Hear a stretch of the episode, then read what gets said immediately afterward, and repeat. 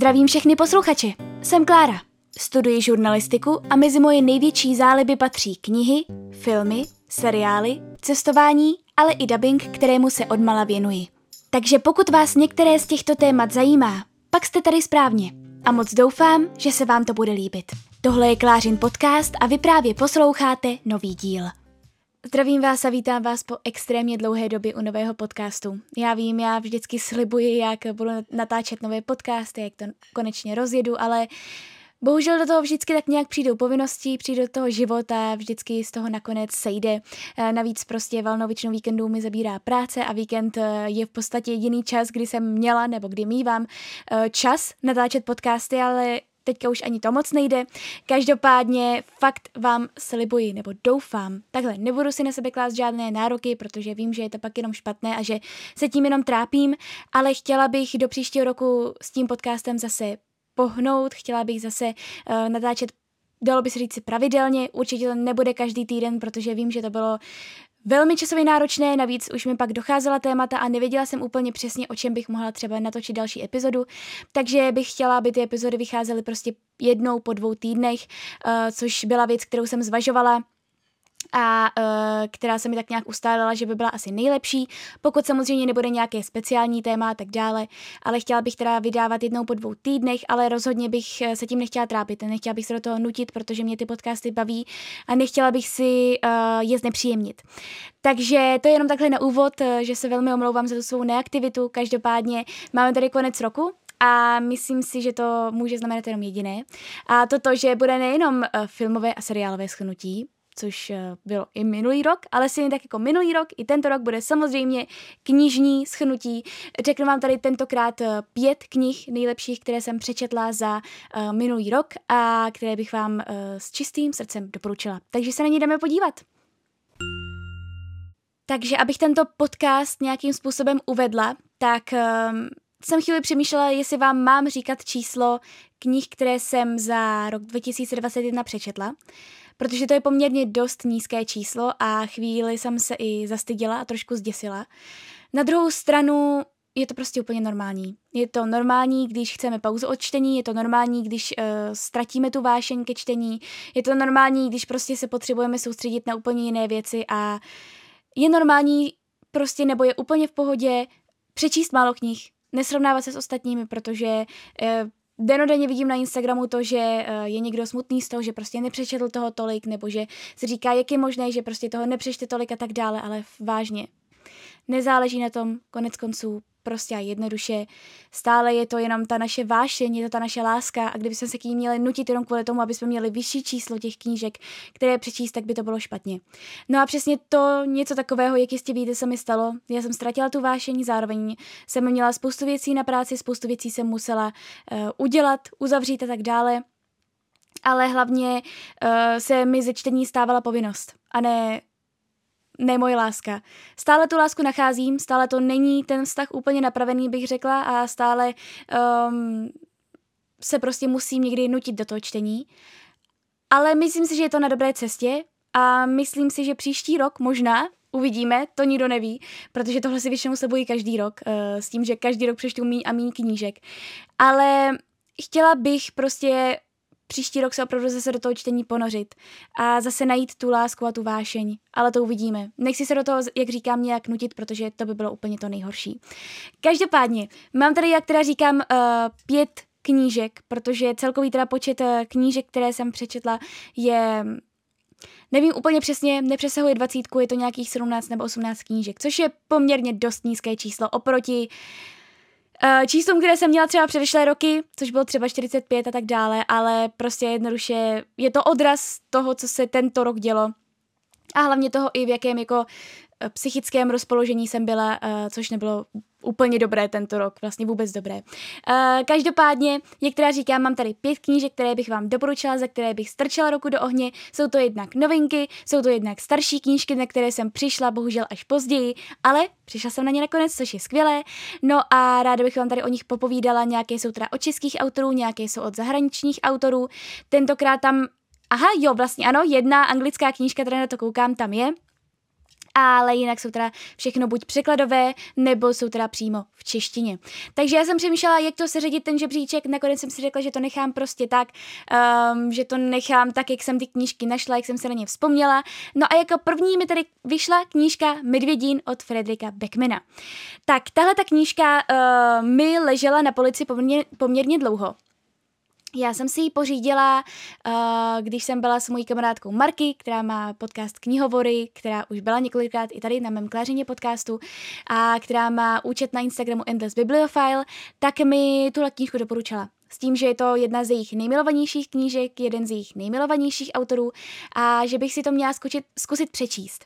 A já jsem se přiznala, že jsem o autorovi za stolik neslyšela, nevěděla jsem, jenom jsem věděla, že je poměrně populární a věděla jsem, že v té době nějakým způsobem vznikal, vznikala minisérie Medvědín, No a tak jsem si řekla, že bych si to mohla pořídit. No, ale jak to tak bývá, ta knížka mi ležela dlouho, dlouho, dlouho na polici.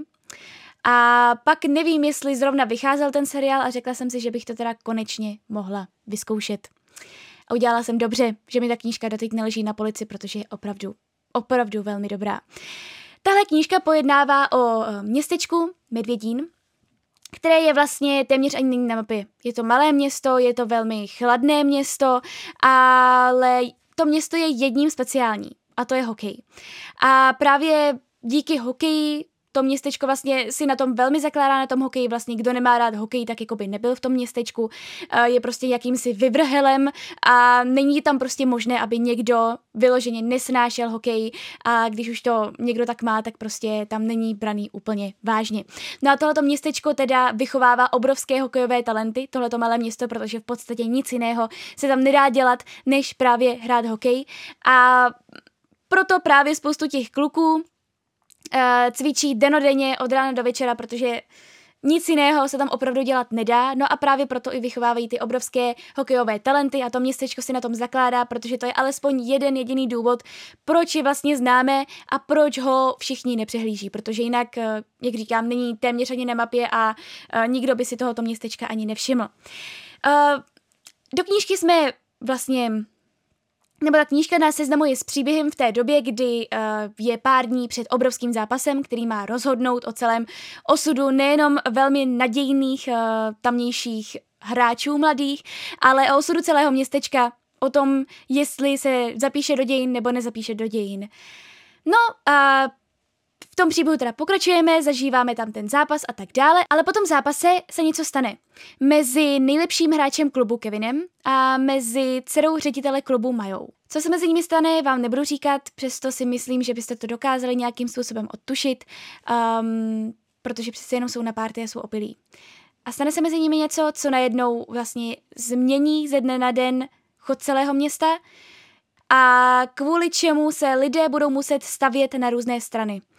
A bohužel z valné většiny se budou stavět na tu špatnou stranu. Takže um, je to opravdu nesmírně silný příběh ještě v kontextu toho, co se v současné společnosti děje a jak moc se řeší problémy, které jsou nastíněné v této knize v současné společnosti, v současném životě. Je to velmi silné čtivo, pokud vás zajímá opravdu takové to nimrání se v těch myšlenkách a takové to vlastně rozpadání těch jediných jistot, které to společenství mělo a pokud vás zajímá prostě pohled na tuhle věc a na tuhle problematiku a to, jakým způsobem se tahle ta problematika řeší a opravdu jakým způsobem nad ní ti lidé přemýšlí a jak třeba odmítají něco, co je očividné, tak tohle je knížka přesně pro vás. Je to opravdu silné, je to napínavé, stránku se stránkou je to lepší a i přesto, že nerozumíte vůbec hokeji, což já vůbec nerozumím. Já nevím ani slovo. Jako jestli jsem někdy rozuměla hokej, tak to bylo možná trošku před přijímačkami na žurnalistiku, kdy jsem si hledala vlastně pravidla hokeje a uh, to, které třeba uh, týmy jsou u nás populární, protože já opravdu o hokeji nevím absolutně slovo. Vůbec to nevadí. Ano, je tam sice popsaných poměrně dost scén, kde uh, hrají ty postavy ten zápas hokejový a Vyloženě tomu nerozumíte, ale o to tam vlastně vůbec nejde. Vážně, nejde tam o ten sport, nejde tam o nic takového, jde tam opravdu o to, o tu společnost, o to opravdu malé město, o to malo město a o to, jakým způsobem jedna zpráva, jedna věc dokáže chod toho města ovlivnit natolik, že už je úplně k nepoznání. A že veškeré jistoty, které tam byly, jsou prostě ztraceny. Takže obrovské doporučení, já strašně moc děkuji Marky za to, že mi tuhle knížku tolik doporučovala a zjistila jsem potom, zase když jsem byla s Marky venku, že má tahle ta knížka druhý díl. Leží mi už poměrně dlouho na polici, Chtěla bych se k němu dostat co nejdříve, doufám, že se mi to povede a doufám, že se mi bude líbit ten druhý díl stejně tak jako ten první, protože pokud jste to náhodou ještě nečetli, tak si myslím, že byste se do toho měli příští rok pustit. Tak jako další tady mám knížku, která, kterou bych pravděpodobně, nejsem si tím úplně jistá, ale myslím si, že bych ji zařadila jako asi úplně nejlepší knížku, kterou jsem přečetla za rok 2021. A to je teda knížka od české autorky a je to knížka Poupátka od Hany D. Lehečkové. Tahle knížka je vlastně hrozná. Jako tím příběhem je strašná, silná um, a není to vůbec lehké čtivo. Uh, příběh pojednává o 11-leté Františce, která zase nějakým způsobem musím říct, že se to podobá trošku tomu medvědínu. Protože zase odehrává se to na Baloměstě, uh, hlavní hrdinkou je 11-letá Františka, která chodí do divadelního kroužku, který právě díky tomuto divadelnímu kroužku Uh, je to malo město alespoň trošku známé, takže vidíte tady tu podobnost trošku s tím medvědínem. Um, ten divadelní kroužek je teda poměrně populární, s tím divadelním kroužkem vyjíždějí do různých koutů republiky a uh, je to vlastně teda jediný jakýsi způsob, jakým to městečko, maloměsto, uh, nějakým způsobem teda proslavit. No a do toho kroužku teda chodí i ta 11-letá Františka, kterou to velmi baví, chtěla by se stát herečkou, ale je tam jeden problém. A vedoucí kroužku Mirek je člověkem, který nutí ty děti, které navštěvují ten kroužek, dělat něco, co uh, vlastně překračuje co překračuje nějaký, co je prostě ilegální, takhle bych to řekla. Nutí je dělat věci, které tady popisovat nebudu, protože myslím si, že by že si je asi dokážete na základě toho, jak o tom vyprávím, domyslet a nechtěla bych eh, tady o nich prostě vyprávět do detailů, protože některé ty věci jsou opravdu hrozné. Každopádně nutí prostě dělat věci, které jsou vlastně ilegální, nutí je dělat věci, které si um, vedoucí divadelního kroužku, který pracuje s dětmi, dovolit nemůže. Ale on to všechno skrývá za zástěrku toho, že pokud chtějí být opravdoví herci, tak se tomu musí naplno poddat, pokud chtějí být opravdoví herci, tak takhle to normálně chodí, musí k sobě mít blízko a tak dále. No a zase nějakým způsobem, přestože to městečko o tom ví a že by mohlo dojít, že ty praktiky, které on má, nejsou správné, tak to tak nějak zamete pod koberec. A říká si, že ale aspoň je to Mirek, všichni ho známe. A je to Mirek, uh, má dobrý divadelní kroužek, díky kterému jsme alespoň trochu známí. A, a tak dále. A prostě to tak nějak jako zakopnou pod koberec a dále to neřeší. A Františce to nejdřív úplně nedochází, že to, co Mirek dělá, není vyloženě správné. Jediné, za čím si stojí a čeho chce dosáhnout, je stát se tou herečkou ale postupně jí začnou vyvstávat v mysli pochybnosti. Um, tak, Tahle ta knížka opravdu, jak jsem říkala, um, je velmi, velmi silná. Jak jste teda mohli otuš, odtušit, já tady opravdu o tom nechci mluvit nějak jako naplno, explicitně, ale prostě ty věci, které se tam dějí, nejsou dobré, které jsou mezi tím vedoucím Mirkem a mezi těmi dětmi. Ale ta knížka je napsaná tak nesmírně když to řeknu možná špatně, trošku poutavým způsobem, takovým způsobem, že ta knížka, já jsem ji měla přečtenou za den a půl, protože mě ten příběh upoutal, protože jsem byla zvědavá, jak se to bude vyvíjet. Zároveň já jsem od Hany Lahečkové četla už její první knížku a tu svatou hlavu, která se mi velice líbila, přestože byla napsaná velice, velice specifickým způsobem, na který jsem se musela zvykat. Tak v tomto případě byla napsaná trošku srozumitelnějším jazykem, přesto to bylo stále takové jako také specifické, bylo to um, místy velmi nespisovné, což mi ale moc ne- nevadilo v tomto případě upřímně, ale bylo to hrozně poutavé a hrozně, hrozně dobře napsané.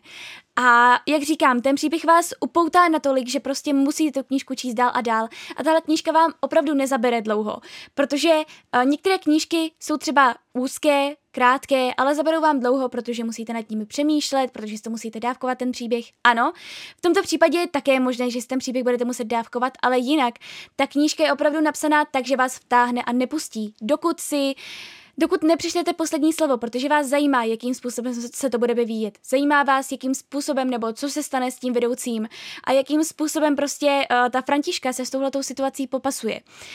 Um, možná je poutavé i to, že je to vlastně zase vyprávěné nějakým způsobem těma dětskýma očima nebo skrze ty dětské oči kdy vlastně ten příběh je přeci jenom pojatý trošku jinak a je pojatý trošku více naivně a zase vidíme prostě do hlavy těm postavám a je to prostě hrozně dobré. Fakt, jestli bych měla zvolit nějaké top tři autorky, které v současné literatuře, v současné české literatuře opravdu stojí za to, tak Hanna Lehečková by mezi těmito třemi autorky pro mě byla, protože um, už druhá její knížka mě nesmírně ohromila, těším se na další knížky, které napíše a myslím si, že je v ní obrovský talent. A jak říkám, tahle knížka není pro slabé povahy, nečte se vyloženě, um, není to tak, že by to bylo odpočinkové čtivo, to ne, ale zároveň vás vtáhne a nepustí, dokud ten příběh neroštete. Takže já jsem z té knížky byla naprosto nadšená, komu jsem mohla, tomu jsem jí doporučovala a jak říkám, už jenom to, že jsem jí přečetla za den a půl, já o něčem svědčí. Takže obrovské doporučení za mě. Také jako další knížku tady mám Polovinu tebe od Brit Bennett. A, tak tahle ta knížka prolétla Instagramem, českým Instagramem, když vyšla v českém překladu a všichni četli, všem se hrozně líbila. No a já jsem samozřejmě nemohla zůstat pozadu, protože mě ten příběh nějakým způsobem upoutal, už jenom tím, že byl o dvojčatech a že nějakým způsobem pojednával prostě o, o dvojčecím dramatu nebo o rodinném dramatu, tak nějak bych to popsala. Takže jsem se rozhodla, že si tu knížku přečtu samozřejmě taky. A udělala jsem správně, protože po uh, extrémně dlouhé době, kdy jsem četla prostě knížky, které mě za stolik nebavily, nebo když jsem prostě strávila u knížky několik týdnů, přestože by mohla být přečtená třeba za pár dnů, tak tahle knížka u ní jsem se po strašně dlouhé době vyloženě těšila. Až budu číst dál, až se zase začnu do příběhu, až zase zjistím něco nového, protože opravdu um, různé věci se tam odkrývaly na jednotlivých stránkách a mě to nutilo číst dál a dál, abych věděla, abych si poskládala ten jejich život nějakým způsobem dohromady. Abych vám tady přiblížila příběh, pojednává to tady, jak jsem říkala, o dvojčatech, o Stele a Desiree, které žijí v takovém velmi podivném maloměstě zase uh, Malardu v Americe, což je městečko, které téměř není ani na mapách, zase nikdo o něm moc neví jak to tady vidíme, má moje oblíbené knížky za tento rok mají nějaký společný motiv, dalo by se říci. Uh, tyto sestry se rozhodnou, myslím, v 16 utéct z toho Malardu, protože už je to prostě nebaví, protože chtějí zkusit nový život a protože nechtějí vyrůstat ve městě, které je opravdu podivné, protože všichni si zakládají na tom, že přestože se jedná o černožskou komunitu, že jsou bílí. A velmi se na tom zakládají, je to vlastně jejich hlavní nějaký způsob života, dalo by se říct, hlavní náplň života a je to to, o co nejvíce usilují. No a tyto sestry se teda, jak říkám, rozhodnou utéct z toho domova a žít si svůj vlastní život. S tím, že počítali s tím, že budou nějakým způsobem tím životem proplouvat spolu, že budou mít jedna druhou. Ale v tom novém městě, v New Orleans, se jejich cesty rozdělily a od té doby neví jedna od druhé nic. A setkáváme se s nimi znovu po nějakých 15 letech, myslím, uh, přičemž Desiree, která byla taková velmi drzá, uh, taková... Mm, taková rebelka a u ní právě vypadalo, že by se nikdy v životě nemohla vrátit zpátky do Mlardu, tak ta se tam vrátí. Zatímco Ostele dlouhou dobu nikdo nic neví, přestože ona byla taková ta slušná, taková ta, která poslouchala a taková ta, u které vypadalo, že by se klidně do toho Malardu poté vrátit mohla. Takže sledujeme teda osudy dvou sester po 15 letech, přičemž Desiree je teda zpátky v tom Malardu a se svojí dcerou, kdy utekla od manžela, který jí byl. A ostale se rozvídáme později, že um, Doufám, že to nebude moc velký spoiler. Ostale se prostě dozvídáme, že odmítla úplně celý svůj předešlý život, odmítla svou identitu, odmítla svou rasu, o tom úplně mlčí a žije novým životem uh, z bohatlické paničky v Los Angeles, pokud se nepletu. Takže ty dvě sestry jsou naprosto odlišné, neví o sobě nic, ale nějakým způsobem, skrze nějaké jejich příbuzné a rodinné vztahy, se jejich cesty můžou ale také nemusí, dát zpátky dohromady. Nechci vám nic prozrazovat dalšího, protože opravdu uh, ten příběh se rozkrýval postupně a postupně a vy jste se dozvídali postupně o těch um, osudech, co se jim děli, o tom, co se jim vlastně dělo v těch předešlých 15 letech a proč nakonec skončili tam, kde skončili a jakým způsobem by se mohli a také nemuseli propoutat znovu. Takže opravdu je to velice silný příběh, je to velice napínavý příběh, a zase velice dobře napsaný příběh, u kterého se vůbec nedivím, že byl bestsellerem uh, i v Americe a různě po světě, protože opravdu je velmi dobře napsaný a jak říkám, opravdu jsem se těšila, až se začnu do dalších stránek, až prostě si tu knížku alespoň na pár stránek otevřu v metru, což mě se už hrozně dlouho nestalo. Až si tu knížku otevřu večer v posteli, což se mi taky dlouho nestalo, protože většinou u toho usínám nebo se musím učit, nebo místo toho vyberu, že se podívám na nějaký sitcom, než půjdu spát. Ale tady vyloženě jsem se prostě těšila na to, až opravdu um, se na chvíli zase ponořím do toho příběhu, až se rozvíjí něco nového, až se mi zase vlastně ty kousky té skládačky dají více dohromady. A opravdu vám to hrozně moc doporučuji. Já jsem si říkala, jestli nebudu mít moc velká očekávání, když opravdu ta knížka byla všude, ale ne. Vážně, bylo to hrozně dobré, bylo to zajímavé, já mám moc ráda tyhle ty generační romány, kdy vidíme nejenom prostě tu jednu generaci, ale třeba více těch generací a kdy vidíme prostě tahle ta rodinná dramata a to, jakým způsobem se ta rodina rozpadla a potom se třeba zase dá dohromady, anebo třeba nedá. Nechci vám nic prozrazovat, každopádně opravdu vám to doporučuji. Je to velmi dobře napsané, já se od autorky těším, já od ní mám další knížku doma v angličtině, kterou jsem si koupila v Londýně, a to je The Mothers a těším se, až se do ní pustím, protože opravdu si myslím, že tahle autorka se bude asi řadit mezi mé oblíbené a budu u ní vyhledávat další a další knížky, protože tahle ta knížka Polovina tebe. Pokud máte rádi třeba i jako příběhy o dvojčetech, která se rozdělila, pokud máte prostě rádi napětí, pokud máte rádi, jak říkám, tahle ta rodinná dramata, tak si myslím, že Polovina tebe bude určitě něco pro vás. Tak a pak tady mám teda zástupce té anglické literatury, nebo teda přesně řečeno knížky v angličtině, a to je Malibu Rising od Taylor Jenkins Reid, kterou si myslím, že ode mě jste už pár setkrát slyšeli, protože já opravdu tu autorku mám velmi ráda, uh, protože Seven Husbands of Evelyn Hugo řadím mezi top 10 nejlepších knih, které jsem přečetla za celý svůj život, společně i s Daisy Jones and the Six. No a proto jsem se rozhodla, že každou její další knížku si určitě přečtu, protože se mi zase líbí její styl psaní a líbí se mi to a její styl psaní je extrémně specifický v tom, a to říkám úplně každému, komu doporučuji její knížky, tak je extrémně specifický v tom, že ona všechno, co píše, tak je fikce. Ale přesto, že to je fikce, tak to píše takovým způsobem, že v podstatě vás nějakým způsobem opravdu přesvědčí, že uh, ta osoba, o které píše, žila jednou. Nebo ty osoby, o kterých píše, jednou žily, že opravdu vypráví o něčem, co se stalo doopravdy a že to prostě jenom vypráví svými slovy, ale že je to založené na pravdě, že ta osoba opravdu existovala. Takže si pak dohledáváte, dohledáváte a zjistíte, že ta osoba neexistovala, nebo ty osoby neexistovaly a že si to autorka opravdu jenom vymyslela ale že je to napsané tak strašně dobře a tak strašně jako věrohodně, že máte chvíli problém tomu uvěřit. Tohle byl třeba Tohle se mi stalo u Seven Husbands of Evelyn Hugo, protože tam jsem si opravdu, doopravdy myslela, že ta uh, Evelyn Hugo existovala, že to byla jenom herečka, o které jsem třeba tolik neslyšela v, ve zlaté éře Hollywoodu. Pak jsem si ji začala hledat a vyjela mi stále jenom tyhle ty knížky a vyjelo mi to, že je to vlastně opravdu fikce. A od té doby jsem si to autorku zamilovala, protože napsat tímto způsobem knížku, která opravdu vypadá, jako kdyby vám někdo vyprávěl o životě někoho, uh, co se stal, s tím, že se vlastně ten příběh nestal a s tím, že uh, ta autorka si to opravdu celé vymyslela, tak to je pro mě opravdu obdivuhodné a strašně ráda čtu její knížky. Takže její nejnovější knížka, a to teda Malibu Rising, nemohla být výjimkou.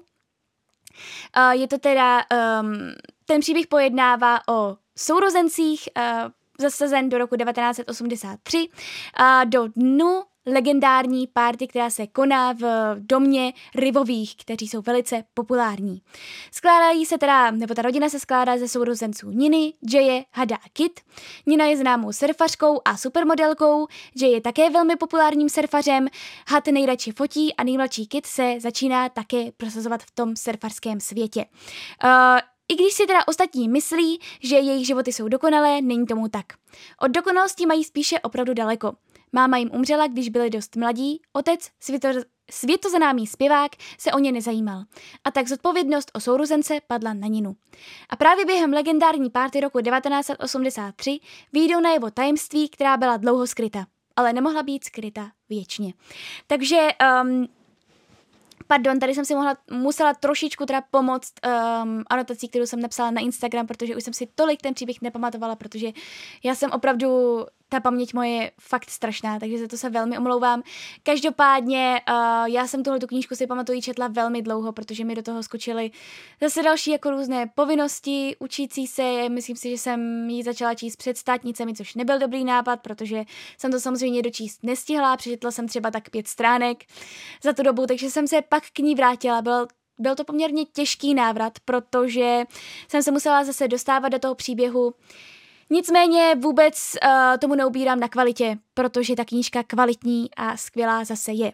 Není to teda vyloženě srdcovka jako Seven Husbands nebo Daisy Jones and the Six, ale zase napsaná byla velice dobře, hrozně se mi zase líbilo to rodinné drama, líbilo se mi to prolínání mezi minulostí a tou tamnější přítomností. Líbilo se mi zase, že jsme si mohli skládat eh, ten příběh dohromady a um, to drama, které se tam odehrávalo a opravdu veškeré, pak vlastně veškerá ta výchova a ta povinnost spadla právě na tu nejstarší Ninu, která uh, se poté stala velmi populární právě supermodelkou a surfařkou a tak dále. A um, je to hlavně založené na ní, je to hlavně založené na jejich myšlenkách, na tom, jakým způsobem ona se vlastně vyrovnávala s tím, že nemohla kvůli tomu, že um, se o ně otec ani nestaral dostudovat školu, musela se prostě vrhnout do toho, aby vychovávala další její tři sourozence a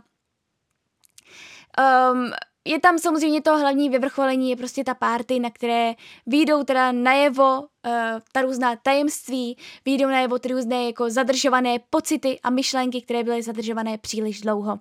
Takže takhle, um, není to vyloženě, řekla bych, srdcerivné, jako třeba Seven Husbands, není to vyloženě jako extrémně napínavé a napsané takovým zajímavým způsobem, uh, jako třeba Daisy Jones and the Six. Přesto vám to velice doporučuji, protože, jak říkám, zase budete si připadat, jako kdyby ten, eh, o kterém je ten příběh, nebo ti, o kterých je ten příběh, eh, skutečně žili. Je to zajímavé zase jako to prolínání, jak říká, mezi tou minulostí a přítomností a je to zase zajímavé to nímrání v těch pocitech a to zabývání se těmi myšlenkami a to, jaké otázky tam vyvstávají na povrch. Takže jak říkám, zase velmi doporučuji. Já mám tu autorku velmi ráda a ať už napíše cokoliv, já si to přečtu. Určitě bych chtěla doporučit i, nebo takhle. Já sama bych si chtěla přečíst nějaké předešlé knížky, jednu už doma mám, kterou jsem si koupila v Malaze, takže doufám, že se k ní co nejdříve dostanu, ale uh, jsem si jistá, že prostě Taylor Jenkins Reid vždycky u mě bude mít nějaké speciální místo a cokoliv nového vydá, tak já se na to vrhnu.